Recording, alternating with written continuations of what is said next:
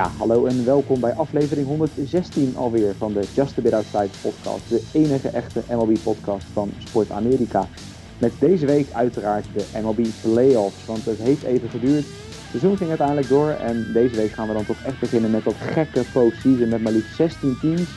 Onder twee teams die zelfs meer hebben verloren dan gewonnen, maar het is nou eenmaal zo. En ik, Justin Kevenaar, ga in al die matchups duiken met onder andere Jasper Roos.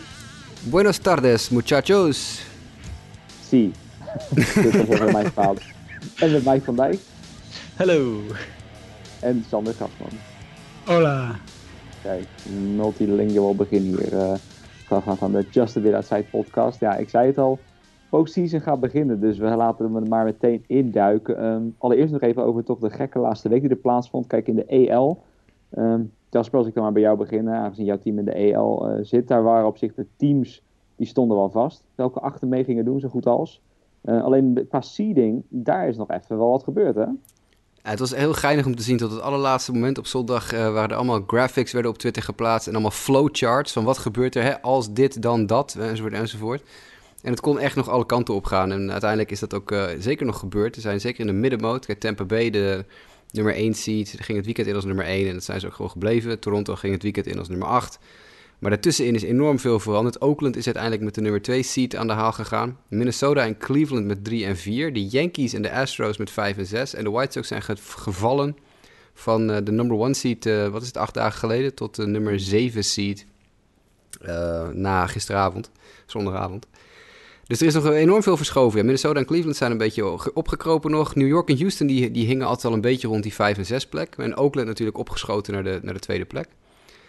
Dus uiteindelijk uh, ja, krijgen we natuurlijk uh, een interessante uh, onderlinge matchup. Daar gaan we het zo meteen nog even over hebben. Maar er is nog heel veel gebeurd. En vooral de flowcharts vond ik echt heerlijk om naar te kijken.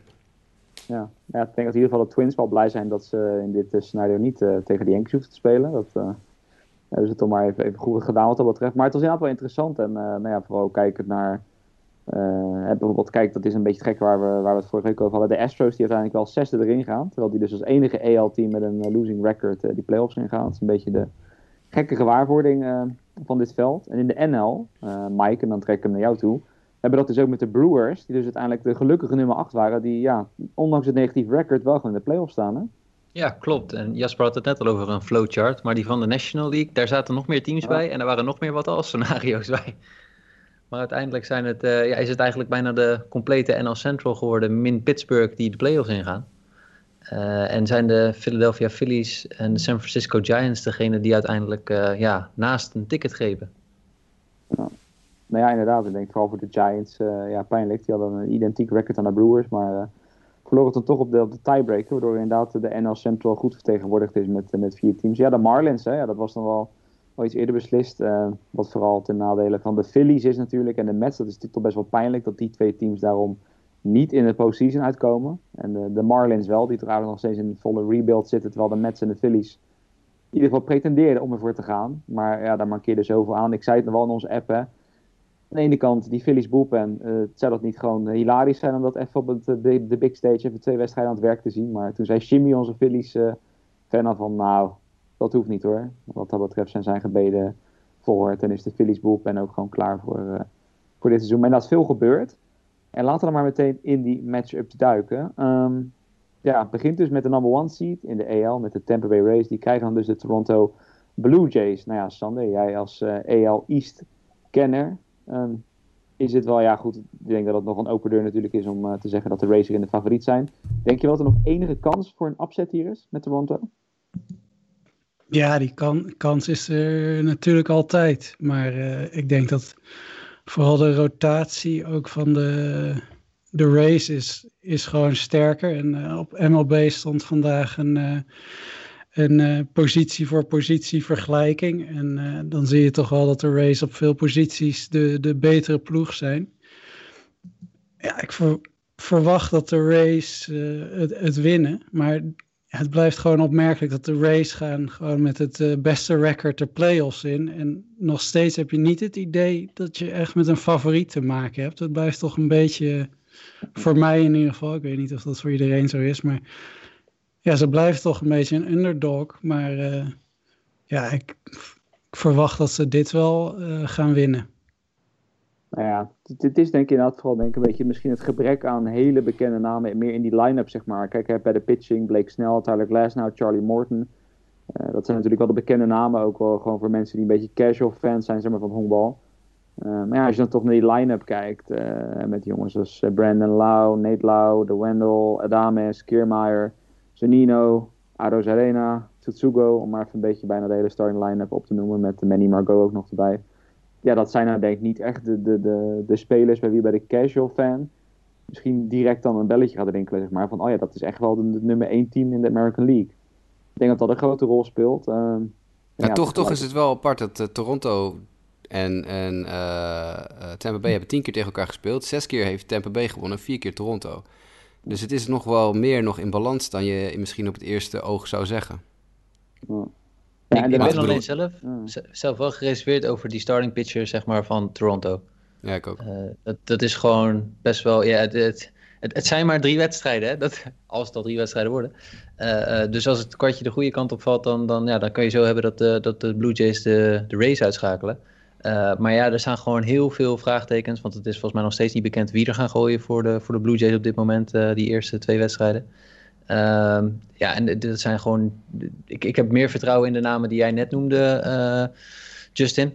Dus uh, Blake Snell, Tyler Glass nou en dan uh, Charlie Morton eventueel nog in de derde. zoals het er nu naar uitziet, dan, dan, de, dan de jongens van de, van de Blue Jays op dit moment. Ja, 100%. Ik bedoel, je krijgt Ryu waarschijnlijk in game 1. Ik weet niet wanneer heeft Ryu voor het laatst gegooid. Ik, ik weet niet of hij op short rest zou zijn. Ik ook al naar te kijken inderdaad, ja, wanneer dat dan was. Omdat anders dan lijkt me, dat had er gewoon een beetje de vaste keuze natuurlijk. Maar... Dat lijkt me ook wel. Uh, maar wat erachter zit, daar word je natuurlijk ook niet uh, nou ja, heel erg gelukkig van, wil ik ook niet zeggen. Maar dat is, dat is niet van het niveau Glass nou, Snell, Morton, dat soort jongens. Dus uh, het, wat, wat pitching betreft wordt het, wordt het zwaar. En dat is ook het, wat ik, de grote moeite die ik heb met dat format van drie wedstrijden. Want je kan echt eigenlijk één slechte dag hebben, het is voorbij. Of je kan gewoon de pech hebben dat je tegen een team aanloopt die twee supergoeie starters hebben. En verder helemaal niks. Ik bedoel, er zijn zat teams die een, die een ace en een super ace B hebben ja, dan ben je eigenlijk al de, de klos. Terwijl je misschien over de hele linie beter bent dan zo'n team. Dus dat is gelijk mijn probleem dat ik heb met deze, ja. deze situatie. We hebben in de aanbieding nog bij Toronto uh, Taiwan Walker, Ross Stripling, Matt Shoemaker, Tanner Roark en Robbie Ray. Ja. Dat zijn de andere starters op het roster. Nou ja, dat is denk ik, want ik zit dit toevallig even op te zoeken. En volgens deze site heeft Rio donderdagnacht ge... Ja, dan is hij precies op vijf dagen voor dinsdag. Ja, dan heeft hij 100 ja. pitches gegooid tegen, tegen de Yankees, waarmee ze dus toen de playoffs clinchten. Uh, en Op zich waren de verschillen ook wel zo groot in de American League dat je mag verwachten dat ze er rekening mee hebben gehouden. Ik denk het ook wel, ja. ja.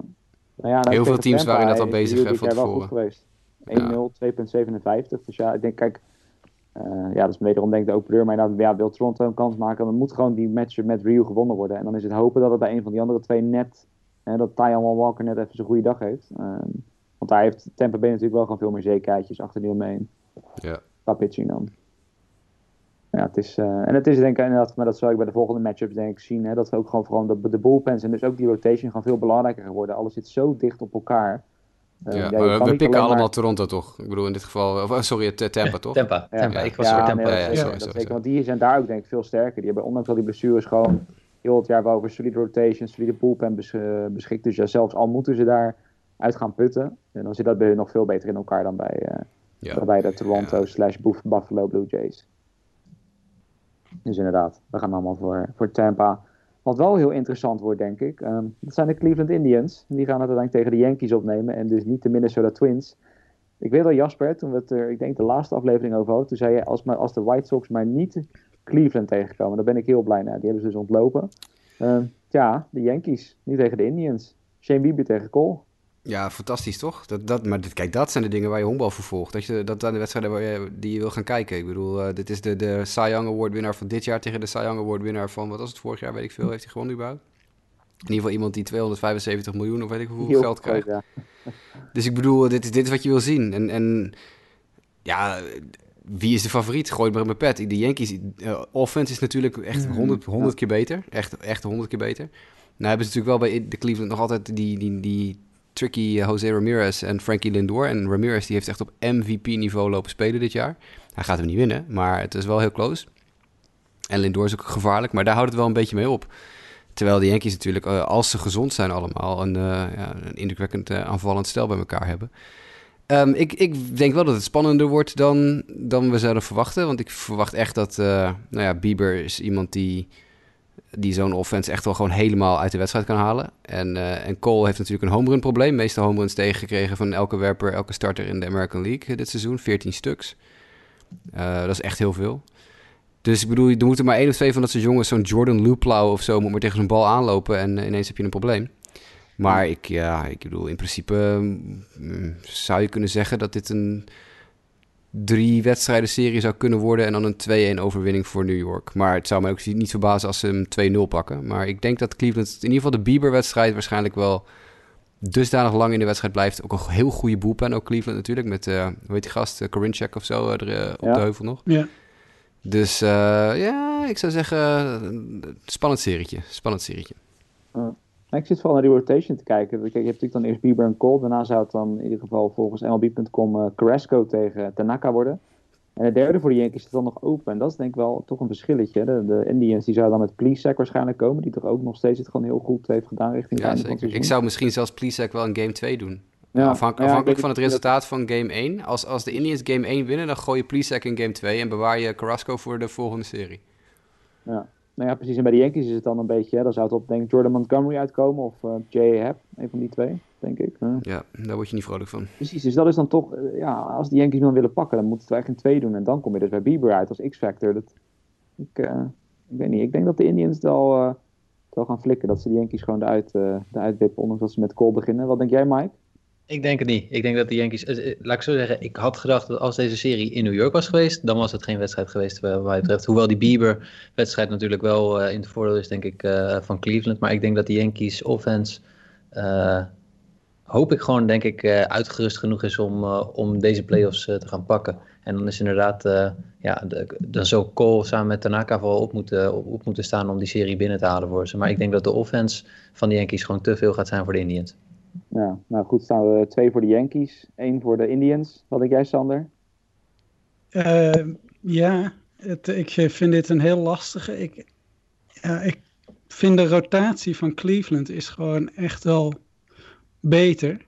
Eh, maar ik, ik keek naar de bank, wat de Indians daar hebben zitten. En dat is echt, daar schrik Ja, dat moet je niet je. doen. Zo, dat is eh, als het even niet loopt of als ze even een, eh, een matchup willen, iets willen veranderen, dan is er echt geen enkele.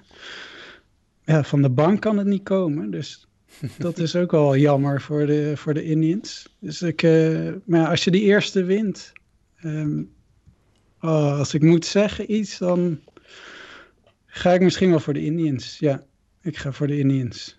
Nou, Pitching dit, dan zijn wij net zo in, eh, in evenwicht als ik denk dat deze serie gaat zijn. Dat is leuk. Ja. Nou ja, dat is wel, ik bedoel, wat dat betreft is dit wel een, een gigantisch leuke serie. Dan weer eigenlijk jammer dat dit over drie wedstrijden gaat. Want ja, dit zou denk ik best wel leuk zijn als je het in meer wedstrijden kon. eh, En dat zou toch ook veel eerlijker zijn? Want dan krijg je wel misschien wel twee keer Bieber en Cole. Dat zou toch fantastisch zijn? dat je dan nog in de beslissende wedstrijd zou krijgen. Een game 5 Zo, bijvoorbeeld. Ja, echt. dat, zou wel, dat zou wel lekker zijn, maar goed. Eén van de twee kan maar door. En dat zal toch echt in drie wedstrijden beslist moeten worden wie er doorgaat. Dat zou ook moeten gebeuren bij de Minnesota Twins. Die uiteindelijk dan tegen het enige team met een losing record uit gaan komen. De Houston Astros, Mike.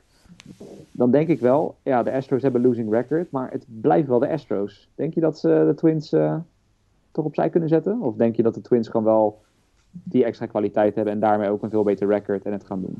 Ja, ik, eh, ik, heb, eh, ik denk dat de Twins het wel gaan doen. Eh, ik verwacht, die eerste wedstrijd is ook weer echt eigenlijk een hele leuke, leuke pitching matchup met Kenta Maeda tegen Zach Greinke. Eh, dus ja, ik verwacht daar ook wel echt een eh, superleuke wedstrijd eh, om te zien. Maar de Twins zijn dit seizoen wat mij betreft echt gewoon een, stuk, een stukje beter dan, dan de Houston Astros. En ik verwacht dan ook dat zij eigenlijk ja, deze serie naar zich, naar zich toe gaan trekken. In wedstrijd 2 eh, staat in principe Berrios op de heuvel voor de Twins. En in wedstrijd 3 vermoedelijk Mike Pineda. Die de laatste tijd best wel weer redelijk aan het gooien is. Dus dat is ook wel een prettige versterking nog voor ze. Eh, ja, en in Houston, ik, ik, ja, ik weet het niet. Ik, ik, het, het, ik, ik heb er dit seizoen minder goed gevoel bij. Van wat je ziet en dergelijke is het gewoon net even allemaal wat, wat minder natuurlijk dan, uh, dan vorig seizoen. Maar met name ja, de starting pitching. Hè, Justin Verlander gaan we niet meer terugzien, want die heeft uh, Tommy John surgery uh, nodig. Uiteindelijk toch? Hé hey Jasper, you told hem zo. Uh, told you. maar ja, de, de, ja de, ik, ik zie het de Astros gewoon, uh, gewoon niet doen. Nee. Nee, ik sla me daar wel een beetje aan. Ik denk dat vooral het probleem voor de Astros die bullpen is. Dat al de hele, het hele jaar een bij elkaar gekunsteld uh, showtje is. Uh, met dan nog wel Ryan Presley eigenlijk als enige ervaren man daar als, uh, als closer. Maar voor de rest, ja, jongens als, nou moet ik zeggen, Enoli Paredes, Andrew Scrub, Cy Sneed, Luis Garcia, Nivaldo Rodriguez. Dat zijn jongens die... Klinkende namen, Ja, jongens die mij niet echt heel veel zeggen. Maar ook met die rotation, want je zegt dan net, hè, de Twins die hebben wel een beetje een, een top 3 vaststaan. Maar bij de, ja, bij de Astros is het nog een beetje een, de, de vraag. Hè? We hebben daar die, die Christian Javier, Urquidy, McCullers, Framber Valdez. Ja, als, als ze slim zijn, gaan ze natuurlijk gewoon. Ik, ik heb natuurlijk niet, ik heb niet in mijn hoofd zitten wie nou dit weekend heeft gegooid voor, voor Houston. Maar je gaat natuurlijk je jongens met de ervaring erin klappen, toch? Je gaat toch je McCullers en je Urquidys. Uh, ja. ja, tuurlijk. Ja, ja precies. Maar goed, ze hebben, Framber Valdez zou afgelopen zondag gooien. Die hebben ze wel gespaard. Die heeft de laatste twee starts wel goed gedaan. Uh, ja, ten koste van jouw fantasy team, maar goed. Ja, dat klopt. dat klopt. uh, maar ja, ik verwacht inderdaad dat Urquidy en McCullers dan de, de, de kans gaan krijgen. Maar ja, uh, Zach Greinke is ook niet unhittable. Hè? Dus nee. daarom, als, als, als de Twins die eerste wedstrijd pakken ja, dan wordt het gewoon denk ik een uphill battle voor, uh, voor, voor Houston. Uh, want uh, die andere pitchers zijn niet zo dominant dat ze je zomaar terug kunnen schippen in die serie. Nee, het wordt gewoon 2-0 Minnesota, einde verhaal, Houston eruit, klaar. Kenta ja. Maeda is gewoon ace. Dat is ace-niveau pitchers. Hoe die dit jaar heeft lopen gooien, die gaat hij echt... Wel echt leuk voor hem, hè? Dat hij toch ja. bij de Dodgers werd hij ook weer naar de bullpen toch geschoven, als, als het postseason eraan kwam. Kenta Maeda is een vaste gast altijd in mijn fantasy teams geweest toen hij bij de Dodgers zat. Altijd super handig, vet veel strikeouts, uh, prima ERA's, prima whips. Deed, deed je geen pijn en deed allemaal verder prima. Ik vind het super mooi dat hij het zo goed doet. Ik heb niks met de Twins. Ik vind de Twins verder echt een. Ja, ik, ik heb echt helemaal niks met die ploeg. Maar ik vind Kenta Maeda vind ik, uh, en Trevor May, dat zijn mijn twee favoriete Twinkies, denk ik. Ja. Sander, jij gaat ook voor de, de Bamba Squad. Ja, ja, vooral ik heb uh, nog met uh, heel veel zelfvertrouwen een paar weken geleden, volgens mij de, de podcast die ik met Jasper opnam, nog gezegd dat uh, de vormdip van Altuve niet uh, te maken had met, uh, met het vals spelen. Maar als je kijkt naar de hele line-up, hoe uit vorm ze allemaal zijn eigenlijk dit hele seizoen, dan ja, is het in ieder geval heel erg toevallig dat ze allemaal zo de statistiek omlaag zijn gegaan dit jaar. Want het is echt over bijna de gehele linie zijn ze gewoon zoveel minder gaan presteren. Uh, dat valt uh, behoorlijk op. Michael Brantley heeft een uh, average van 300 en ook een goed OPS. Maar verder, de, de home runs blijven achter. Behalve George Springer met 14 is het allemaal en de opgeleefde Carl Tucker is ook nog een goede uitzondering. Maar ja. Altuve, Gurriel, Correa, Bregman, het is allemaal een schim van vorig jaar. En... Terwijl het allemaal van zichzelf gewoon allemaal goede honkballers zijn. Ja. Bregman is gewoon ook zonder die buzzer een fantastische honkballer. Altuve ja. hetzelfde verhaal. We, we, hebben gezien wat Gurriel een internationaal honkbal heeft gedaan voordat hij naar de majors kwam. Dat is ook gewoon een jongen die kan slaan. Dus er, er, er zit ook een meer, er zit ook een, denk ik, een geestelijke component ja. aan. Ik denk dat die jongens geestelijk toch harder zijn geraakt door dat gedonder uh, dan, dan we misschien denken of verwachten.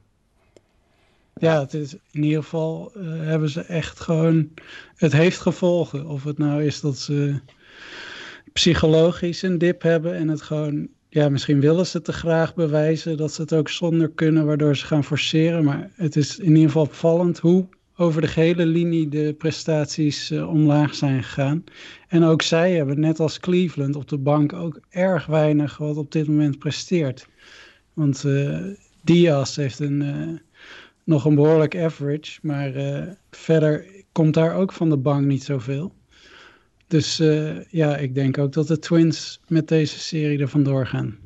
Ja, nou goed, dan maak ik er wel een, een clean sweep van. Ook la, la, la, laatste statistiek nog de Houston Astros dit seizoen uit 9 en 23 tegen teams over 500, 4 en 13. Dus dat zijn eigenlijk de wedstrijden tegen de Oakland A's en, de, en tegen Los, Los Angeles Dodgers.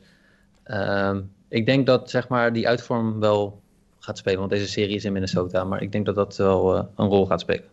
Hoewel, er zit geen publiek, maar blijkbaar zegt het toch iets.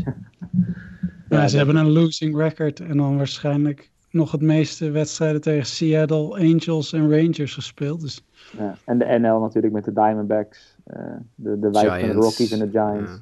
Ja. Yep. Dat is niet uh, het zwaarste schema. Nee, ik, ik ga ook voor de Twins. Nou, gaan allemaal voor de Twins. Dus dat worden allemaal uh, weer een AL Central team sowieso erbij in de volgende ronde. En dan uh, hebben we ook eigenlijk de ronde. Zou hem nu naar Sander toe gooien. Maar goed, sorry Sander, ik ga hem toch even naar Jasper nu gooien. Want zijn White Sox Nu als seventh seed, uh, nou toch best wel een lastige laatste week tegen Oakland. Nou, je hebt het net al kort erover gehad, uh, Jasper, maar misschien iets dieper kijkend op die matchup. Ja, de vorm van Chicago kunt natuurlijk kort over zijn. Die, die is gewoon ruk.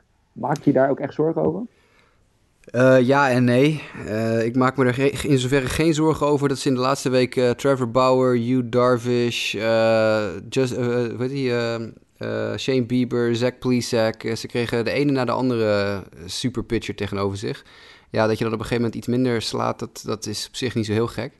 Waar ik me iets meer zorgen over maak, is gewoon ja, de, wat meer de, de, vormdip die bij Tim Anderson onder andere plaats aan het vinden is. En Louis Robert, die ik geloof één honkslag had in de hele maand september. Uh, Eloy Jimenez net geblesseerd geweest, of in ieder geval uit de line-up gehaald een paar dagen. Dus hopelijk is die weer fit voor de playoffs. Dat scheelt een slok op een borrel. Ik vind het heel prettig dat ze Oakland hebben gelood. Niet omdat het nou een makkelijke tegenstander is, want Oakland is ten eerste een heel goed team. En ten tweede, de White Sox hebben een waardeloze geschiedenis tegen de Athletics, of ze nou uit of thuis spelen. Dat is echt verschrikkelijk. Um, dus dat is uh, een dingetje wat, we even, ja, wat ik even niet zo super leuk vind. enige voordeel is, naar alle waarschijnlijkheid, naar, naar alle waarschijnlijkheid gaan de Athletics twee lefties op de heuvel zetten in de eerste drie wedstrijden. Uh, MLB heeft nog geen predictions voor die, uh, die, die rotation. Maar ik heb op Fangraphs gezien dat er voorspeld werd Chris Bassett in game 1. Dat lijkt me niet, want dat zou op short rest zijn. Dat zou op drie of vier dagen rest zijn. Dus dat lijkt me niet logisch. Dus dan hou je Jesus Luzardo en uh, Sean Manaya over in game 1 en 2. Dat zijn lefties. En de White Sox beuken lefties werkelijk waar helemaal naar Kingdom Come. Dus dat is dan het enige voordeel dat daar misschien nog een beetje aan zit. Uh, had je me anderhalve week geleden gevraagd... Uh, hey, de White Sox staan tegen Oakland in de eerste ronde. Wat wordt het? Dan had ik gezegd 2-0 voor de White Sox... en ik ben er niet eens, lig er niet eens wakker van. Uh, nu heb ik daar veel minder vertrouwen in. dus het is de hoop dat inderdaad deze voorspelling... dat de lefties het, het, medicijn gaan zijn voor deze White Sox... om uit hun slump te komen. en natuurlijk, ik bedoel, de Zardo, fantastische pitcher. Manaya, fantastische pitcher. Maar het is geen niveau Shane Bieber... Dus uh, ja, wie weet. Kan alle kanten op. Ik, uh, Giolito gaat in game 1 voor de White Sox. Keukel in, Keukel in twee, game 2. Uh, game 3 is nog volledig onbekend voor de White ja. Sox. Dat ja, wordt dat waarschijnlijk... Ik vraag inderdaad. Of het dan Cease of Dunning waarschijnlijk? Nee, Dunning. Cease, heeft, Cease is okay. echt verschrikkelijk slecht geweest de laatste paar weken. Echt, de laatste start, het was tegen de Cubs geloof vrijdag. Was echt waanzinnig slecht. En Ronaldo Lopez, hetzelfde verhaal op zondag. Echt ontzettend slecht. En de enige die een beetje redelijk gegooid heeft is Dane Dunning. Dus dat, uh, ik vermoed als het puntje bij paaltje komt, wordt het of Dunning in de derde wedstrijd, of ze gaan bullpennen met Matt Foster als opener en dan uh, alle sterke bullpenarmen, Cody Hoyer, Gary Crochet en dat soort jongens erachteraan. Ja. Maar denk je dan uiteindelijk, hè, als je er toch zo objectief mogelijk naar probeert te kijken, ook of uh, Chicago? Nou, daar kijk ik niet objectief over. Ik bedoel, 2-1 White Sox. Dat is, dat is wat ik wil. Dus daar ga ik niet objectief naar kijken. Ik denk dat Giolito echt wel uh, in een goede vorm is. Keukel is in waanzinnige vorm sinds hij teruggekeerd is van zijn, van zijn blessure. Eén run tegen in 10 innings. Um, dus nee, ja, in principe moet je in allebei die eerste twee wedstrijden heel goed mee kunnen doen. En als er inderdaad twee lefties op de heuvel staan, dan wordt het echt nog wel spannend. Ja, nou, ik moet zeggen, ik vind het heel lastig. Het zijn toch wel twee teams die ik het allebei wel, uh, wel gun. Uh, en ik denk uiteindelijk, ondanks de slechte vorm van de afgelopen week, dat de White Sox toch wel, uh, met name als Giolito het in game 1 laat zien, dat ze uiteindelijk in een van die volgende twee games wel naar zich toe, uh, toe kunnen trekken. Dus ik ga ook voor de, voor de White Sox. Wat denk jij, Sander? Um, ja, ik denk dat de, de, Oakland is met het gemis van Matt Chapman ook al een belangrijke speler kwijtgeraakt. Toen, toen dat nieuws kwam, vond ik dat wel een stevige klap. Maar Lam is al tot nu toe een behoorlijke vervanger gebleken. Natuurlijk niet van het niveau, maar nou, komt redelijk in de buurt. Ze hebben met Tommy Lestella ook nog wel een versterking binnengehaald. Um, ja, de, de lefty matchup is natuurlijk niet dan in het voordeel van, van Oakland. Ik denk dat het in ieder geval drie wedstrijden wordt. Denk ik. Um, ik denk dat het heel dicht bij elkaar zit. Mooie serie. Ik denk dat de White Sox ik denk dat de White Sox ook wat last hebben gehad van een vroege plaatsing. En uh, dat die uh, scherp aan deze serie gaan beginnen en het, uh, en het winnen. Ja. Sluit jij daarbij aan, Mike? Ja, of gaat Jake Lamp het verschil maken? Nee, nee, nee, maar ik, het, het is, het, wat, ja, wat Sander ook aangeeft, dit zijn, en jij zelf ook, het zijn gewoon twee teams die eigenlijk allebei wel de ronde verder sowieso gunt. En uh, Jasper, ik ben er wel benieuwd. Hè? Je zegt dat van die lefties, maar dat, dat weet een Bob Melvin toch ook? Dat weten de Oakland Athletics toch ook? Gaan ze, zouden ze echt zo... Maar wie heb je dan anders? Ja, dat je, is ook je, je moet toch ook op een gegeven moment vertrouwen hebben in je, in je jongens, weet je. Ik zou ook wel vertrouwen hebben in Jesus Luzardo. Weet je, dat is gewoon Ja. een goede pitcher die op ieder willekeurig moment eh, de, de boel dicht kan gooien.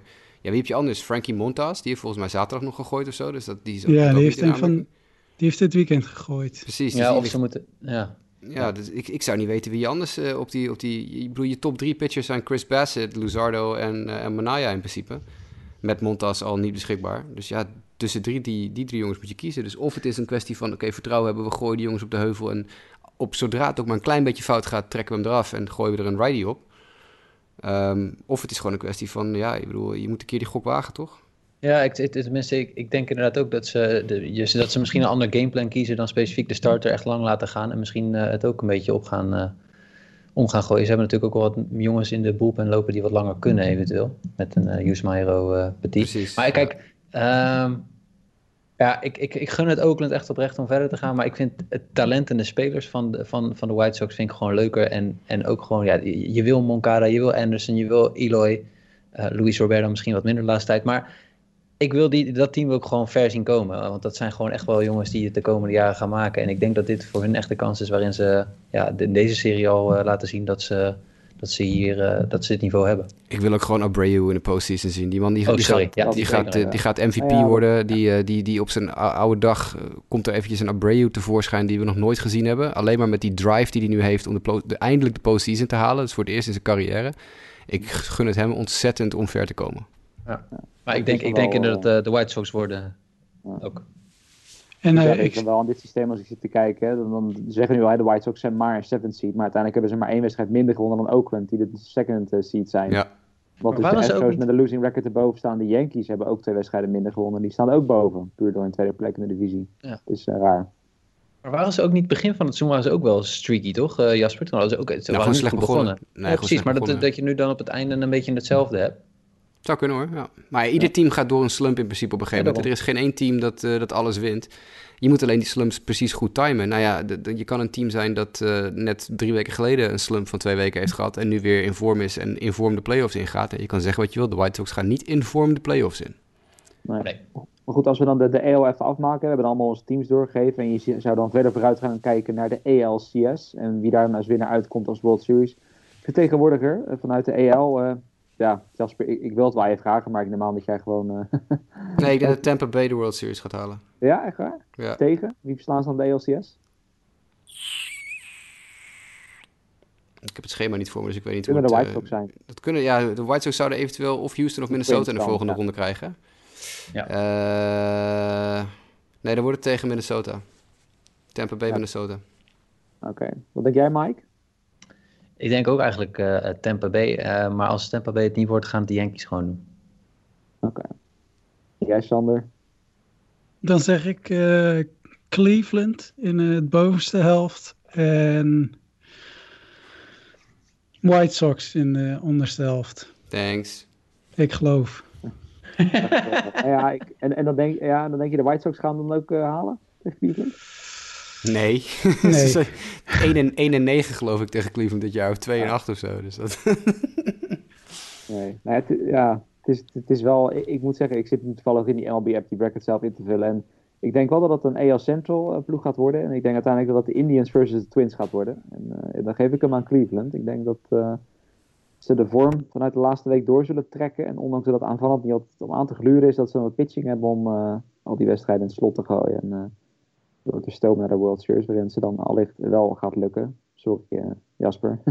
dat het dan een AL Central eh ALCS zou worden zonder de White Sox erin. Maar eh, we gaan het zien. Het wordt ongetwijfeld heel spannend. Dan gaan we door naar de National League. Sander, en daar gaan we maar meteen beginnen met de Los Angeles Dodgers. Weer ongenaakbaar natuurlijk in de National League. En die krijgen dan, ja, op zich wel terecht voor een goed seizoen. Het enige team met een losing record in de Milwaukee Brewers. Gaat het dan ook echt walkover worden, denk je?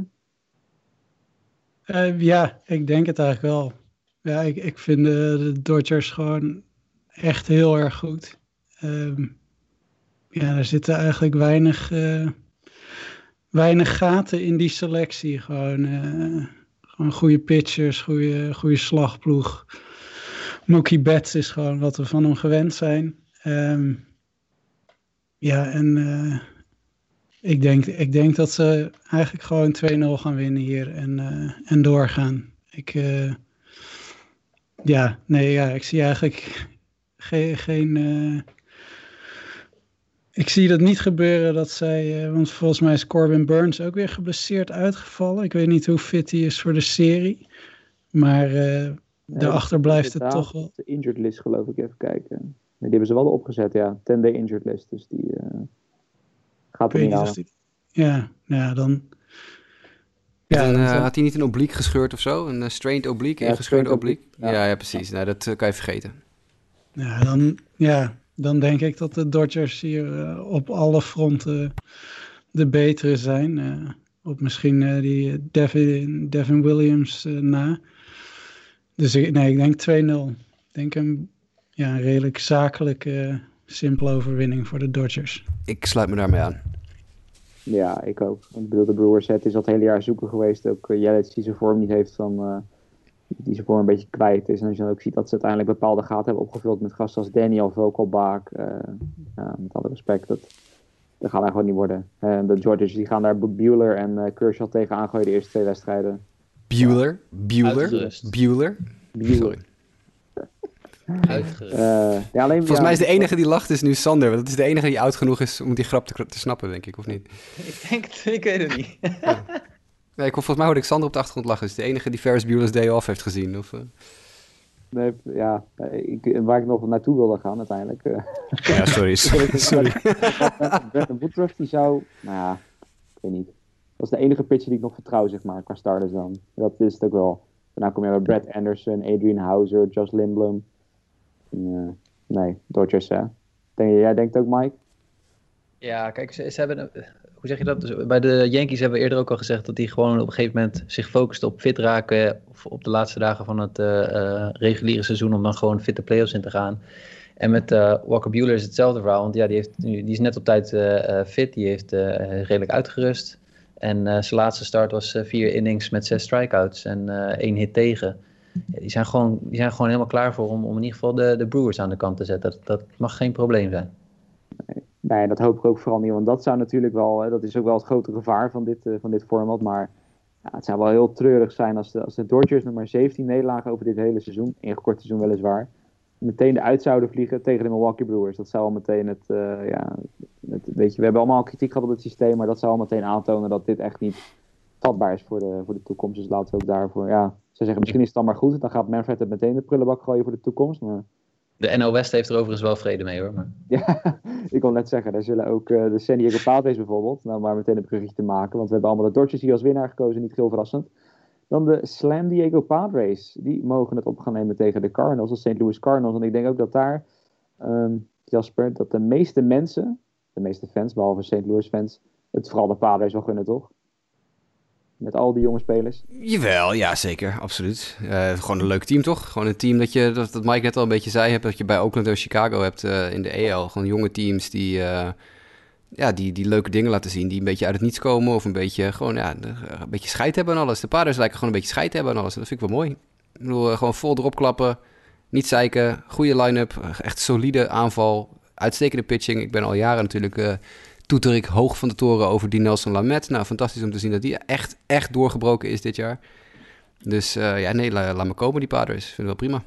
En ik heb helemaal niks met deze St. Louis ploeg, dus dat, is, uh, dat helpt ook wel. Nee, het is, kijk, St. Louis is altijd al een beetje zakelijk of zo. Ik weet niet, ze, ze zitten er altijd bij, maar het is inderdaad geen, geen vlees nog vis dit jaar. Uh, in ieder geval voor, voor mij gewonnen.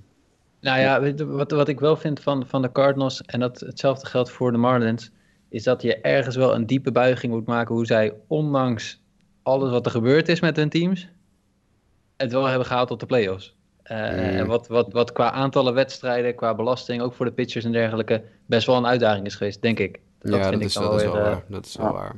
Maar aan de andere kant staat er tegenover dat uh, Jari Molina op zijn Instagram uh, allemaal met, met allemaal weer groepen vrienden foto's loopt ja, te maken van was, ik geloof niet in corona en zo. Dan denk ik, ja, dan, dan vraag je er ook om.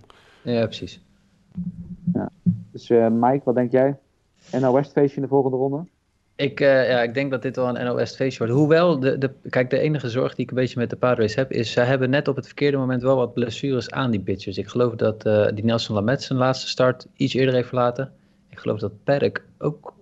Wat, ja, Perk, Perk had al last, ja, klopt. Ja, Perk had al last. Die, ja, hij is niet inactive, nee. Maar die had inderdaad al eerder last, ja.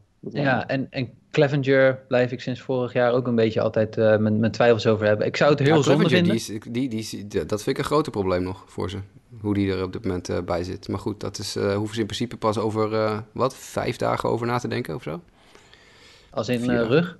Ja, ja, ja. Die, die rug is echt wel een, een serieuze... Dat is altijd een dingetje hoor. Dat schiet er ook zo meteen weer in. Dus, Ja, en, en dat is dus het enige wat ik zeg maar een beetje met mijn twijfel heb voor San Diego Padres dit, uh, deze postseason eigenlijk is dus vooral die, die starting pitcher. Net op het verkeerde moment raken dat soort jongens dan uh, geblesseerd. Maar goed, ze hebben wel wat jongens ook in de bullpen met een Drew Pomeranz die natuurlijk in het verleden ook wel starterervaring heeft gehaald. En, en een super goede closer, Mike. En, oh. Was dit noodzakelijk? Voor de mensen thuis, voor de mensen thuis. Mike heeft gisteren zijn... Ze, die heeft gisteren zijn fantasy eh, kampioenschap verloren door een Trevor Rosenthal save bij de tegenstander. Dus vandaar dat we even... Ja, om het heel, heel kort dan even toe te lichten. Uh, ik was de playoffs ingegaan uh, en ik stond tegen de nummer drie in de, van de divisie en ik was vierde geworden. En ik had één categorie slechter gedaan dan de nummer drie, dus we stonden in de finale. En deze man had één save nodig om er een 5-5 gelijkspel mee te maken en op een reguliere season record, zeg maar, de tiebreaker binnen te slepen in het kampioenschap. En wat gebeurt er? Trevor Rosenthal gooit gisteravond een save. Ja, het is heel pijnlijk, man. Maar ja, goed. Ja, Gaat er wel dat Giants team uit? Is dat er nog een soort van troost? Of? Nee. Nee. nee. Ik had de Giants het beste ingewild. Maar goed, eh, nog terugkomend. Uh, ik, ik, met name die offense is wel echt leuk om, om naar te kijken van, van San Diego. En ik vind dat, ja, in die zin denk ik ook... neem, neem even nog Jake Cronenworth. We hebben het heel weinig eigenlijk over hem gehad. Maar rookie, die gewoon echt ontzettend leuke vondst is in dat, dat team ook. En Jurksen natuurlijk, die hier en daar ook wel zijn, zijn at-bats meepakt. dus nee, ik ben, ik ben benieuwd hoe zij het gaan doen. Maar de Cardinals moet geen probleem zijn. Ja, ben je daarmee, Sander? Ja, ik uh, ben al uh, het hele jaar, uh, ja, geloof ik wel in de, in de Padres. En ik denk dat die met Austin Nola hebben ze ook een goede, goede aankoop gedaan bij de, rond de trade deadline. Ja. ze krijgen ineens weer productie van spelers waar het de laatste jaren wat minder was. Machado is gewoon extreem goed, maar ook Will Myers en Hosmer hebben gewoon prima seizoenen. Ja, maar alleen is het natuurlijk wel de vraag, je, je starting pitching moet wel goed zijn. Uh, ik zou Drew Pomeranz, uh, gebaseerd op zijn jaren in Boston, uh, zou ik niet aanraden om hem terug te brengen de rotatie. Maar het, ja, ik, ik, ze, zijn, ze zijn de leukere ploeg wat mij betreft. Dus ik hoop dat ze gewoon goed doorgaan en ik hoop dat ze ja, 2-0 en dan Moeten ze dan tegen de Dodgers? Ja. ja dat wordt een mooi duel, denk ik. Ja, daar, waarbij het dan echt eeuwig zonde natuurlijk is dat dat dan zonder publiek is. Maar dat zou, het is sowieso wel leuk, die twee teams. Hè, dat merk je wel tijdens die series van dit jaar. Daar, daar zit ook gewoon wel echt druk op aan beide kanten. En dat kan alleen maar dan voor zo'n playoff matchup alleen maar mooier eh, zijn. Dus ook hier zijn we eensgezind. Allemaal voor de Padres tegenover de Cardinals. En dan Mike. Ja, daar komt misschien wel de meest intrigerende playoff matchup. Die iedereen natuurlijk aan het begin van het jaar aan zag komen. Misschien dat de Chicago Cubs als derde erin gaan. Hè? Niet zo heel erg gek. Maar de Miami Marlins, gewoon stabiel, zesde. Ik, uh, ik ja, ik, dit, dit moeten we eigenlijk ook als serie omdopen tot de Just a Bit Outside uh, serie van de, van de playoffs, zeg maar. Want dit, de, de, de Cubs waren we niet echt uh, positief over eerder dit seizoen. En ja, de Marlins al helemaal niet. Maar As the Marlins Turns komt terug met een postseason special. Ja. ja, ja, ja, ja. En dan ook ten, ja, ten koste van de Mets en de Phillies. Hè? Hoe pijnlijk is dat? Ja, dat is uh, zeker als je kijkt wat de Mets allemaal geïnvesteerd hebben. Uh, en ook de, de Phillies natuurlijk met Harper vorig jaar. Ja, dat dan, ik zal even de, de, de, spelers opnoemen. Corey Dickerson, Starling Marte, Jesus Aguilar, Brian Anderson, die een heel goed seizoen speelt. Garrett Cooper, Matt Joyce, Miguel Roas, John Berti en Jorge Alfaro. Ja, die, die hebben beter staan spelen uiteindelijk dit seizoen. dus dat is, de, ja, ik, ik, ik verwacht niet veel. Maar dat is het voordeel, hè. Dit team gaat echt zonder verwachtingen die, die play-offs in. Uh, en, en, helaas, een ding wat wel tegenviel was dat gisteren in de wedstrijd tegen de Yankees kreeg Starling Marte een bal naar zijn hoofd geworpen. Die heeft zijn oor geraakt volgens mij. En daar was hij day-to-day mee. Dus dat was nog wel even een, een, een, een schrikken voor, voor de Marlins. Maar je mag verwachten dat de Cubs dit doen. Tegelijkertijd zijn de Cubs natuurlijk wel een franchise. Dat als je iets gaat verwachten, ja, dan wil het nog wel eens misgaan. Sorry voor de fans. Maar ik, ja, dit, dit mag geen probleem zijn voor de, voor de Chicago Cubs. Als, als Hugh Darvish gewoon zijn niveau haalt, dan is wedstrijd 1 heel makkelijk in de tas. En uh, dan moeten ze een van die andere twee wedstrijden ook makkelijk uh, kunnen winnen. Ja, dus uh, gaan de Cubs gewoon doen. met, met John Lester natuurlijk met zijn playoff ervaring. Ja, Kyle Hendricks die ook gewoon heel het jaar ja, niet zo spectaculair als Darvish, maar gewoon heel solide staat te gooien. ik denk op basis daarvan alleen al zouden ze het pitching-wise moeten moeten kunnen oplossen. Dus ja, Jasper, jij, jij ziet ook geen enkele kans dat Miami die toch gaat flikken? Ik hoop het stiekem wel een klein beetje. Maar... Ja, het zou leuk zijn voor de chaos. Nee, puur voor de chaos. Ik heb, al, ik heb volgens mij al weken geleden gezegd, en volgens mij heb ik dat altijd terug volgehouden, de, de Marlins gaan de playoffs niet halen. Nou, dat is... Uh, hopeloos niet uitgekomen. maar ik heb op een gegeven moment. met dit format, hè, dat je dat beweert. Precies, dus, ja. En ik heb op een gegeven moment wel gezegd. Ja, laten we zeggen, dat als het seizoen anderhalf week lang had geduurd, hadden de Marlins niet in de playoffs gestaan. Dus ik bedoel, het is maar net even. Ze hebben de massa gehad dat het op tijd afgekapt werd. Maar los daarvan, toen heb ik ook gezegd: als ze het dan halen, laat ze dan maar de boel helemaal het honderd schoppen. En alles en iedereen eruit sodemieteren die eruit sodemieteren zijn. Dat lijkt me dan voor de chaos inderdaad wel heel leuk. Plus, ik vind de Cubs ik weet niet. Eh, ik, ik kan heus wel objectief kijken naar of het een goed honkbalteam is of niet. Het is natuurlijk geen slecht honkbalteam. Maar ik vind het vooral echt een beetje, uh, ja, een beetje etters, als ik heel eerlijk ben. Wat een boel gezeik de hele tijd, man. Dat, dat, altijd dat ze schijnen nogal veel liedjes te zingen in de dugout. En heel veel teams ergeren zich daar nogal aan. En ze hebben natuurlijk al een, conflictje gehad met de, de grounds crew van de Cincinnati Reds of zo. Om wat voor reden dan ook. Uh, en ze hadden van de week weer aan de stok met een team. Ze hebben het al een paar keer aan de stok gehad met Trevor Bauer. En ze hebben het al, weet ik wel. Het, ik vind, ze gedragen zich heel kinderachtig. En dan denk ik, ga nou eerst even goed honkballen voordat je je zo gaat lopen gedragen. Dus in die zin uh, zou ik het le extra leuk vinden als Miami het wint. Ik denk niet dat ze een heel erg goede kans maken. Maar dat is, dat is een ander punt. Ja, als ze misschien Caleb Smith nog hadden gehad, hè, dan uh, gekund. Ja, of Zach Gallen. Helaas dan weer. Wie, wie had je op dit moment liever gehad? Zach Gallen of Jazz Chisholm op dit moment? Ja, doe mij maar Zach Gallen, dankjewel. Hey, als, als, jazz, als Jazz straks die walk-off home run slaat, hè, dan... Uh... Dan trek ik dit weer helemaal terug. Ja, inderdaad. Wat overigens nou, niet mogelijk is, want ze spelen de Cubs, dus ja, sorry. Ja, ja, nou ja het idee was leuk. Ja. ja. Sander, is die uit gebeuren? Of sluit je toch ons aan bij ons? Dat het meer de hoop is dat het gebeurt, maar... Uh, ja, ik... Uh Hugh Darvish moet de Cubs gewoon, gewoon op 1-0 zetten. En uh, dan heb je daarna Carl Hendricks nog om de, de boel binnen te slepen. Maar ik schrik wel van de statistieken van de slagploeg, eerlijk gezegd, van de Cubs. Als je die dan zo bekijkt, dat je een uh, bias, dat, uh, dat houdt niet over, zeg, wat hij dit seizoen gepresteerd heeft. En zo zijn er, volgens mij is er van de de slagploeg die er dan op Baseball Reference staat, zijn er twee die boven de 250 slaan. En uh, dan is Jason Hayward de hoogste met 265. Uh, OPS niet boven de 866 van Ian Happ. Ja, ik uh, ben ook niet echt onder de indruk van de Cubs, maar ja, ook niet echt van de Marlins. Dus dan is het een beetje, ja, een of de ander. En dan denk ik dat de Cubs toch met vooral die twee startende pitchers gewoon met 2-0 uh, eh, die twee starts de boel binnen moeten hebben. Ja.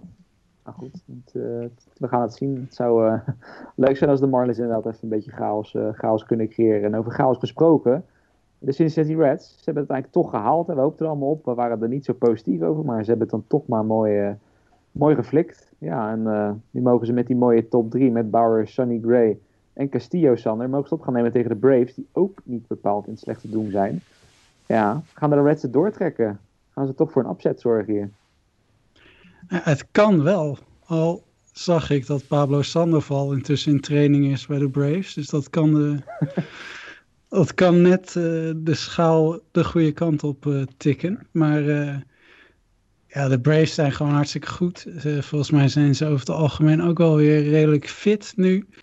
Uh, Freeman is natuurlijk fantastisch op dreef. Uh, je, hebt, uh, je hebt Acuna, wat natuurlijk gewoon een geweldige speler is. Maar ik, ja, starting pitching of pitching wint, wint series. En wat dat betreft kan het zomaar zijn dat die, die eerste drie van Cincinnati, dat die voor een stuntje hier gaan zorgen. Ik sluit dat absoluut niet uit. Zeker als Bauer die eerste wedstrijd, neem ik aan, de heuvel opstapt. Uh, ja, als die hem wint, ja, dan uh, is, zijn de Braves ineens in een behoorlijk lastig pakket. En is het ineens een must-win. En dat legt de druk wel heel erg bij die jonge ploeg. Dan zou het zomaar kunnen dat, uh, dat, uh, ja, dat de Reds verrassen. Dan zullen ze wel wat meer offense moeten verwachten van hun grote aankopen als Mustakas en Castellanos, die het seizoen nog niet zo fantastisch zijn. Heeft Castellanos wel 14, uh, 14 homens, maar zijn uh, 2,25 average is niet uh, om van de daken te schreeuwen. Maar als, als dat soort jongens opstaan, wat, toch wat ervarenere jongens. Ja, en dan heb je die pitching, dan kan het zomaar wel. Maar... Ja, ja ik, ik, ik een beetje op dezelfde gedachte, dat inderdaad gewoon met, met de Braves, daar is die rotation echt een beetje gedecimeerd. Er veel jonge gasten nu erin. De oudste is Max Fried met zijn 26 jaar. Dan heb je Ian Anderson, Kyle Wright, Bryce Wilson, die momenteel starters. Uh, ja, die moeten het dan gaan laten zien. Ik, ik weet het ook niet hoor. Ja, ik ga ook vol op, op de Reds bandwagon uh, sowieso. Dus ik hoop op het upsetje. Mike, ga jij er ook in mee? Ah, uh, ja, ik zie geen mogelijkheid. Dus dit is voor mij het, een, een, het verschil tussen een team dat echt nu vol op stoom is. En een team wat nu ook weer eigenlijk een beetje stil lijkt te vallen. En vooral door, door blessures. Ik zie dat de Braves toch wel. Max Fried uh, is niet. Uh, uh, 100% fit. Hij heeft vorige week nog wat last gehad van zijn rug en dergelijke.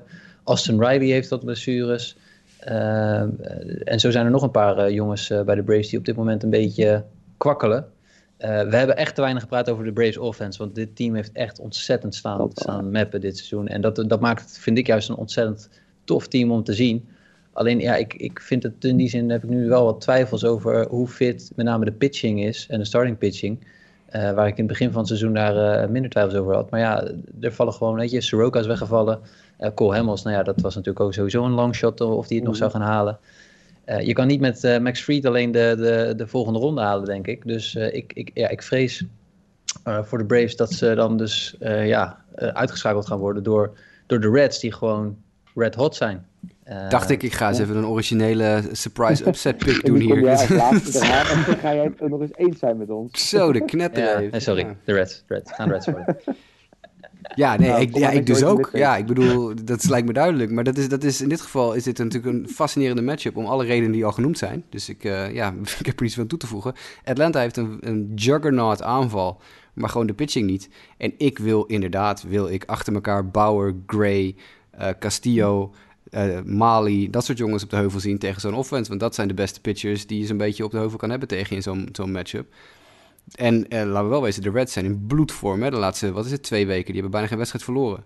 Dus uh, ja hoor, laat me komen die, die serie. Ik denk dat Atlanta het verdomd moeilijk gaat krijgen. Ja, nou, dat is wel grappig dan, want als we dan doortrekken... Ik, heb dan dus idee dat we allemaal een beetje hetzelfde, dezelfde laatste vier hebben in de bracket. Maar hoe denken we dan hoe de NLCS eruit gaat zien en wie er als winnaar uitkomt? Ik, om dan maar zelf te beginnen ik trek het gewoon door met de Dodgers op de hype train. Uh, of met de Reds. Uh, maar die spelen dan dus wel tegen de Dodgers als kalfklap. En dan gaan de Dodgers toch wel winnen. Omdat het voor de Reds net iets te veel uh, honkbalgeweld is om te kunnen overwinnen. Sander, waar ga jij voor vanuit de NL? Ook de Dodgers? Ja, ik, ik ga hetzelfde zeggen als jij. De Dodgers, gaan, Dodgers zijn gewoon te goed. Die winnen ook van San Diego, denk ik. Maar ik denk niet dat de Cubs of de, de Marlins van de, van de Reds gaan winnen. Niet van deze starting pitching. Dus ik denk uh, Reds, Dodgers. En dan is Dodgers, zijn de Dodgers toch wel te goed. Ja, Mike? Ja, Miami, Miami staat al in de NBA-finale, dus dat gaat hier niet gebeuren in deze sport. Nee, de Dodgers en de Reds zijn eigenlijk de enige teams die echt breed en diep genoeg zijn. En misschien dat de Padres er ook bij kunnen komen. Maar ja, ik vrees dat, uh, of ja, ik vrees persoonlijk, uh, de Dodgers zijn gewoon uh, degene die uh, de NLCS gaan winnen. Nou, Jasper, nog wat origineels aan toe te voegen? Of, uh, nee, helaas niet. Ik, uh, ik zou het wel heel tof vinden als de Reds hun enorm goede vorm doortrekken en ineens toch gewoon de, de Dodgers eruit knikkeren. Want ja, nogmaals, het kan wel, hè, want die pitching van, ja. de, van de Reds, we hebben het daar heel vaak over gehad, maar Trevor Bauer is in bloedvorm, Sonny Gray staat hartstikke goed te gooien, Castillo is goed bezig, Mali is goed bezig, dus lopen er nog een paar jongens rond, ze hebben een goede bullpen, uh, betrouwbare jongens met Amir Garrett en Rizal Iglesias in die boelpen. Michael Lorenzen staat goed te spelen. De offense is in vorm. Ik begin toch echt wel... Hoe meer ik zit te praten nu, hoe meer ik uh, warme gevoelens krijg bij, uh, bij de Cincinnati Reds. Uh, maar ja, puur de objectieve, de heel objectieve kijker moet natuurlijk eigenlijk zeggen dat je kan nooit tegen de Dodgers wedden. Aan de andere kant, we hebben ontzettend veel op de Dodgers gewed de laatste paar jaar. En het is ja. nooit wat geworden. Dus het gaat altijd ergens een keer fout daar. En waarom dan niet tegen Trevor Bauer en Sonny Gray en de Reds? Ja. Zouden ze de drone van Bauer al ergens verstopt hebben? Of achter, Ik denk dat de Bauer inderdaad verre blijft van zijn, uh, van zijn drone, inderdaad, ja. Nou goed, je hebt het allemaal gehoord. Uh, ja, dat zijn dus alle matchups. En uh, die gaan dus al, als ik het goed zeg, din. Ja, morgen is ja, dinsdag, dinsdag. Hè? Ja. Gaat het al beginnen. En daarna gaat het helemaal los. Met geloof ik zelfs ook dagen dat er zo'n beetje acht wedstrijden op een dag zijn. Het, uh, het is heel apart. Maar yes. ja, aan de ene kant inderdaad yes. Maar ik wil ook wel bijzonder hoe dat, hoe dat gaat zijn om te volgen. En wat er eigenlijk voor uitkomsten uit gaan komen. En dat er niet te veel goede teams meteen echt de allersterkste teams zeg maar, eruit worden geknikkerd. Maar we gaan het allemaal meemaken. Dan kort toch nog even de awards. Uh, vorige week hebben we natuurlijk eigenlijk al als voorbode hierop uh, al onze predictions gegeven. Is het seizoen echt voorbij? Ik denk meer een beetje zinnig om te kijken of daar nog iets is veranderd. Uh, laten we denk ik bij de EL Young bijvoorbeeld beginnen. Nou ja, ja ik Bieber, denk dat we daar volgende... kunnen zijn. Hè? Bieber, ja. daar zijn we nog steeds allemaal over eens. Hè? Dus we kunnen ja. gewoon door naar de EL MVP. Abreu? Ja, voor mij wel.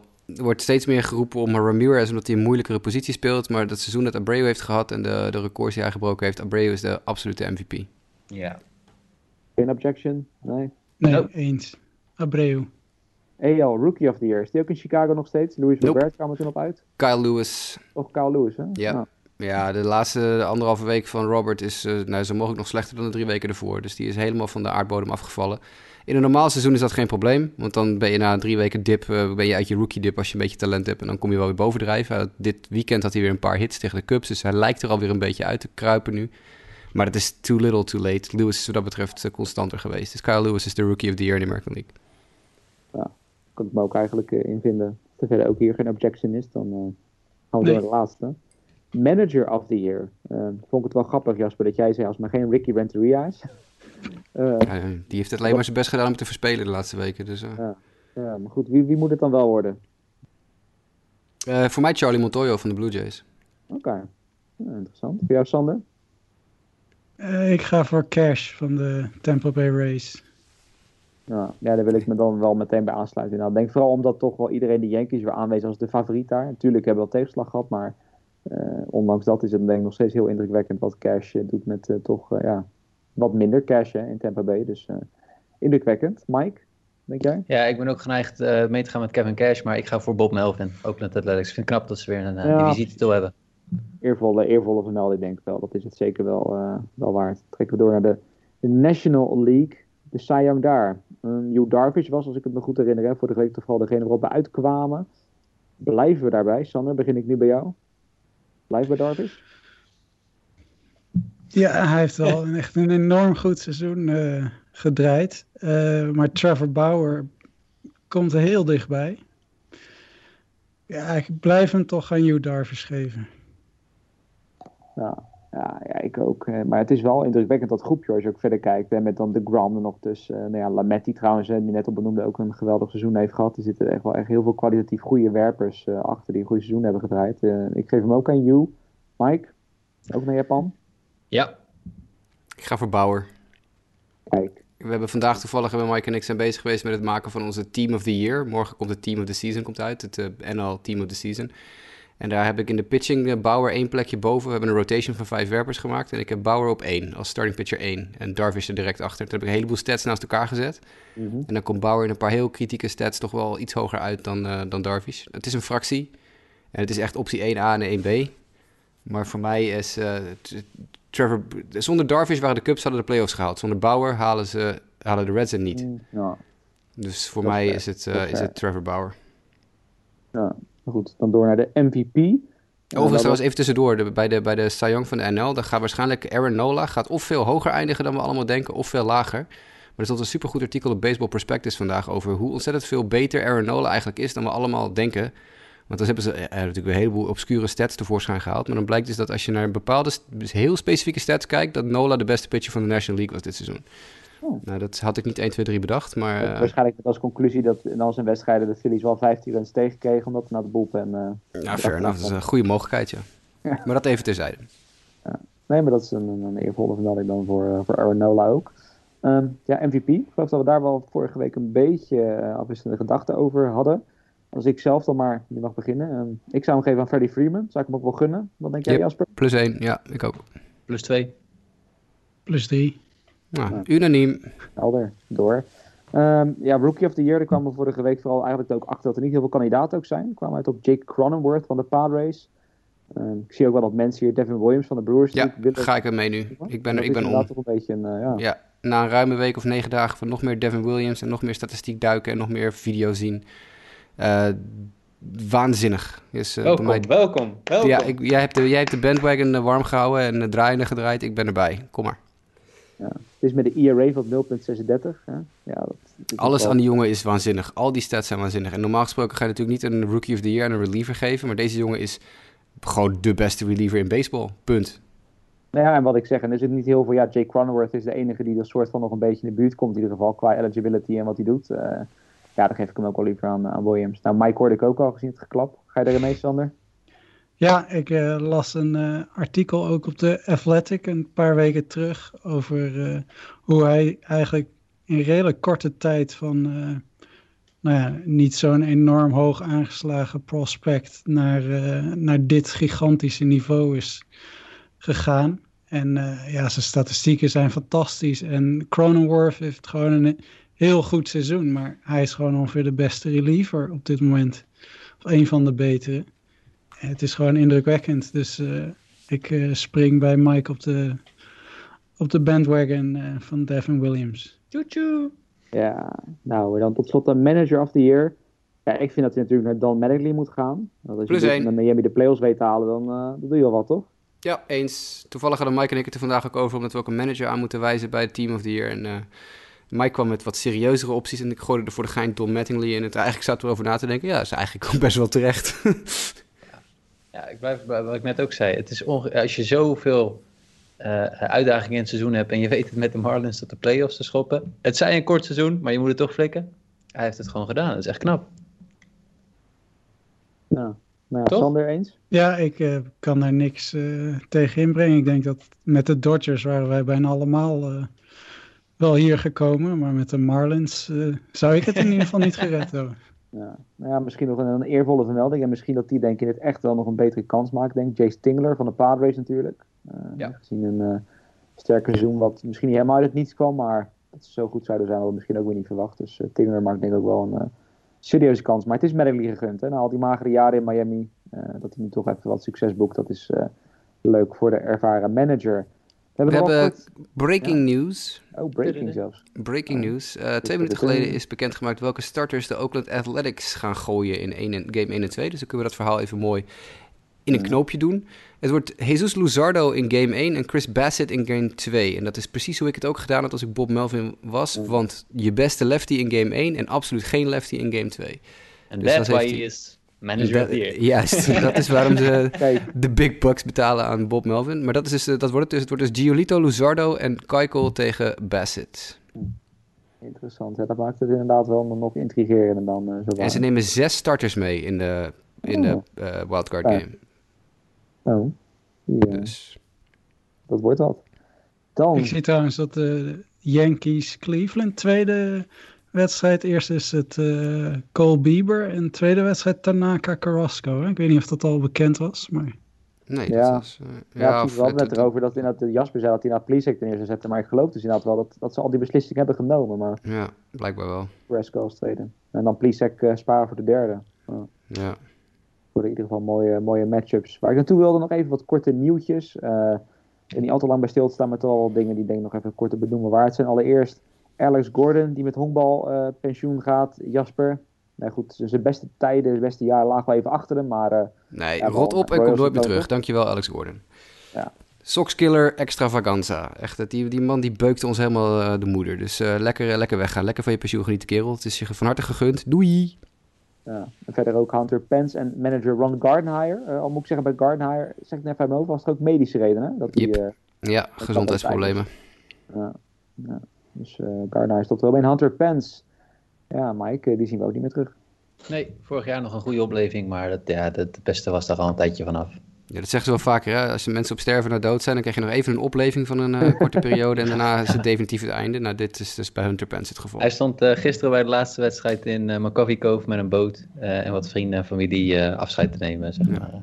Wel echt fucking storend trouwens. Dat ESPN en de nationale media, MLB.com, echt de ene na de andere verhaal eruit klapt over Hunter Pence. En over Alex Gordon hoor je werkelijk wel helemaal niets. Daar erg nee, ik me wel weer een beetje aan. Ja. Ik bedoel, Gordon was minstens net zo goed, misschien wel beter dan Pence op zijn hoogtepunt. En veel belangrijker nog voor zijn teams dan uh, voor organisaties überhaupt dan Pence. Want ik bedoel, Gordon heeft in zijn eentje de Royals weer op de kaart gezet. Als, uh, ja. Dat was hun enige, hun enige prospect een tijdje lang. Het was echt uh, de heilige graal van prospects was Alex Gordon toen in die periode. De goede jaren natuurlijk. precies, hij heeft in zijn eentje zo ongeveer dat, die, dat, dat team weer... Hè, Kansas City weer een honkbalstad, echte honkbalstad gemaakt. En het team weer naar de top gekregen. En, en super successen meegemaakt. En integraal belang geweest voor dat team, voor die organisatie, om ze weer op de kaart te zetten. En dan krijg je, ik geloof, 15 of 16 Hunter Pence artikelen op MLB.com. En Alex Gordon krijgt één pushberichtje. Nou, sorry hoor. Het verschil is net uh, twee keer World Series winnen of één keer. En vier keer een All-Star of uh, drie keer. Ja, nee, het verschil is gewoon een big league of big market teams en small market teams. Hunter Pence ja, heeft altijd bij big market teams gespeeld en Gordon alleen maar bij een small market team. Dus dat is het enige ja. verschil. Want als je MLB.com en ESPN iets kan verwijten, is dat ze het, de, de small market teams eigenlijk altijd consequent vergeten. Ja, ja, dan door, nou ja, normaal uh, Mike, uh, ben je van het medische blokje, maar we zullen het nu een beetje kort houden. Uh, hè? Drie Tommy John surgeries, nou, je noemde net al Justin Vorlander. En nog twee andere goede werpers hè, die voorlopig even eruit gaan liggen. Yes, Dakota Hudson en Ken Giles van de Toronto Blue Jays. Die hebben hetzelfde, dezelfde operatie, dus die zijn voorlopig ook uitgeschakeld. Ja. Dan de Nationals. ja, gaan dus sowieso niet een titel verdedigen dit jaar. Zo voor ze wel zeker aan dit, dit postseason, dit gekke seizoen. En toch, Sander, we zagen eerder al met eh, GM Mike Rizzo, die verlengde ze. En ook Dave Martinez uh, geeft ze toch wel het vertrouwen uh, dat dit seizoen hem niet kwalijk wordt genomen. Dat hij gewoon zijn contractverlenging voor drie jaar krijgt. Dat is wel terecht, toch, hè? Ja, ik kan daar goed mee leven. Nou, en ik ook. Ik denk wij, wij allemaal wel. In ieder geval iemand die geen baan meer heeft. Dat is Billy Epler van de Angels. Ehm, ja, Jasper, hij heeft natuurlijk veel gedaan de afgelopen jaren, maar het, het is nog steeds niks geworden, hè? Snap je dan dat hij geslachtofferd wordt? Ja, want Dave Dombrowski staat al klaar. Oh, die uh, die geruchten zijn wel heel sterk weer dat, uh, dat Dombrowski de nieuwe GM wordt bij de Angels. Dus, uh... Maar ze hebben geen farm system om te verkopen, toch? Nee, dan moet Dombrowski eens een keer iets, iets, doen wat hij nog nooit gedaan heeft. nou ja, het is, het is nooit te laat om te leren, zeggen ze wel eens. Ja. Dan ben ik wel benieuwd dan hoe dat, hoe dat binnen die franchise. Want wat ik wel begreep bij de artikel is dat Epler toch best wel een goede band had met Trout ook. Dat Trout daarom ook graag wilde blijven. hij speelde een hele belangrijke rol, wat op zich logisch is natuurlijk. Aantrekken van Otani. Eh, alleen dat, eh, ja, toch benieuwd of, of, of, niet stoort. Nee, dit is, uh, Appler heeft natuurlijk gewoon nooit, is nooit in staat gebleken om een team om Mike Trout heen te bouwen dat competitief was voor de, voor de postseason. Dat is jaar in jaar uit een drama. Hij heeft geld als water uitgegeven en het team is nooit echt een team geworden. Het was altijd een beetje los zand, één of twee supersterren bij Trout. Uh, en, en, dat was het een beetje, dus dat, dat schiet niet op. Het is hoog tijd dat de Angels iemand krijgen die wel capabel is. Dus. En dit jaar is natuurlijk nog het meest pijnlijk natuurlijk. Hè? Dat je gewoon in zo'n seizoen als dit zit, waar meer dan de helft het van je league haalt. En dat je zelf eigenlijk nog niet eens in de buurt kwam. Alleen laatste week was een soort opleving waardoor ze mathematisch nog een kans maakten. Maar daar was dan ook eigenlijk alles mee gezegd wat betreft het Angels jaar van... Uh, ik bedoel, ja, maar daar ben ik nog wel, ben ik nog wel benieuwd. Hè? Want je, je zegt Dave Dombrowski staat klaar. Uh, zou je niet vanuit de MLB ook nog wat een, een, een progressievere keuze uh, mogen verwachten, kunnen verwachten? Nee. Okay. heb, je ooit, nee, heb, je ooit, heb je ooit MLB-teams uh, nou, nee, progressieve ja, keuzes zien maken? Nee, maar gegeven, gegeven de discussies van de laatste jaren. En ik weet dat, dat uh, er is ook een tijd, ik weet even, er, volgens mij was de naam Kim Ngun, uh, of iets dergelijks, Ngun. die was ook een tijd voor de, als GM in de running voor de Diamondbacks, een, een dame. Mm -hmm. Uh, ja, maar het zou een dame kunnen zijn. Of, uh, hè, maar ik, ik, bedoel, ik, ik, ik, weet dat MLB iedere keer de mond vol heeft van uh, we willen ook minderheden. Of, ja, maar heeft MLB, heeft, MLB heeft geen inspraak in wie de Angels aanstellen als GM. Dat bepalen de Angels zelf. Nee, ja, precies. Maar ik weet, dat is wel een discussie die laatst ook al bij in het kader van, hè, we hebben heel veel dezelfde type GM's. Uh, Ivy Leaguers en dat soort zaken. Ja, precies. Uh, dat zouden we anders willen of we willen kijken hoe we daar veranderingen kunnen brengen. Dan ben ik benieuwd of ze bij zoiets dan... We hebben toch hetzelfde gezien met de managers. Ik bedoel, als een team echt een beetje omhoog zit van wie kiezen we, dan kiezen ze altijd voor iemand die al, weet ik veel, honderdduizend jaar in de, in de sport zit. Toen de Astros omhoog zaten van shit, we moeten nu een nieuwe manager hebben. Wie trekken ze uit de kast? Dusty Baker. Ja. Eh, toen de Tigers geen manager hadden de- eh, en midden in een rebuild zitten, waarvan je juist kan zeggen, nou we kunnen nu een jonge manager aanstellen die meegroeit met het team, die in een periode dat we totaal niet competitief zijn, leert hoe je moet managen. Terwijl wij denken dat hij het in de toekomst goed kan, stellen ze Ron Gardenhire aan die het seizoen niet eens uit kan maken omdat hij zo Nee. oud is dat hij omvalt. Nee, precies. Weet je wel, dus, dus teams zijn wat dat betreft gewoon, ja, op het moment dat er En een... de Angels stellen Madden aan. Hè? Nou ja, ja, precies hetzelfde verhaal toch een beetje. Ik bedoel, die, die, die knikkeren Socha eruit en die, eh die, die stellen ze eerst, volgens mij Brad Osmus nog wel Ja. één seizoen aan. Nee, Dat was dat, eigen keuze, stond er ook. Hè? Die ja, weet, je- weet je ook al hoe dat eh, af gaat lopen. En de Angels hebben natuurlijk de laatste keer dat ze hun handen gebrand hebben aan een GM die wat progressiever dacht, tussen aanhalingstekens progressiever, was Jerry DePoto. En die heeft Ja. ook behoorlijk verkloot bij de Angels. Dus, eh, Maar als je Dylan Dave haalt zonder farm system, nou, ik moet zeggen, dan is de schade ook wel beperkt. Dan wil je, je dan wil je precies. grote contracten. Dan, ja, wat, ja. Ik denk dat ze hem gewoon halen als ze hem inderdaad, als het doorgaat, om, op, puur omdat ze nou ja, ten eerste niks inderdaad kunnen verkopen of eh, kunnen halen. Met, ze hebben geen prospects, dus ze kunnen niks. En ten tweede is het gewoon puur even iemand die weet hoe die met een grote balans, een grote, groot budget om moet gaan. Die in staat is gebleken om ook grote contracten eventueel weg te traden. Of in ieder geval een beetje eh, Ja. slim, slim te traden. Hier en daar, als hij eens een keer niet als een prospect zat. Dus ik denk dat dit gewoon een kwestie van eh, een- placeholder is voor wanneer de, ja, er weer een nieuwe, nieuwe lichting zich aandoet. Ja. En dan Sander, ook nieuws vanuit de Red Sox camp. Dat eh, Ron Renicky ook wordt bedankt voor bewezen diensten in dit eh, ja, denk jaar om te vergeten bij, eh, bij Boston. Ja, dat eh, zat er wel redelijk aan te komen. Ik hoop persoonlijk niet dat het eh, opmaak is eh, op een terugkeer van, eh, van Cora. Ik hoop zelf dat eh Chaim Bloem een van zijn, eh, zijn guy in, wil hebben. En dat hij met een wat progressiever denkende manager op de proppen komt. Ik denk dat die kans ook wel aanwezig is. Er zijn natuurlijk allemaal mensen die heel graag Alex Cora terug willen. En er zijn mensen die hem niet terug willen hebben, zoals ik. Ik hoop dat, dat het optie B is, dat hij voor iemand gaat die progressief denkt. Misschien iemand uit de Tampa-organisatie of misschien iemand die al een stap vanuit de Tampa-organisatie ergens benchcoach is. Dat soort types eh, zouden ook kunnen. Ik hoop in ieder geval niet dat het Cora is. Nee, het, het gaat in ieder geval benieuwen wie ze inderdaad daar aan gaan stellen. En dan tot slot, ehm, de Mets hebben we het vorige week al erover. eh, Steve Cohen, Steven Cohen, die waarschijnlijk eh, de nieuwe eigenaar wordt. Dat lijkt zo goed als zeker, ondanks dat er wel wat eh, discutabele verhalen rondgaan over deze steenrijke meneer. Hey, Ja. iemand wordt gebeld. Wordt iemand gebeld, ja? Ja, ik heb hoorde iemand. Ik Ja, hoorde de telefoon. was ik, was ik, was ik, was ik, was ik. Was breaking news of niet? Nee, dat, is, I- dat is E ESPN die komt bellen wanneer Mike nou eens een keer aan de slag gaat. Ja, precies.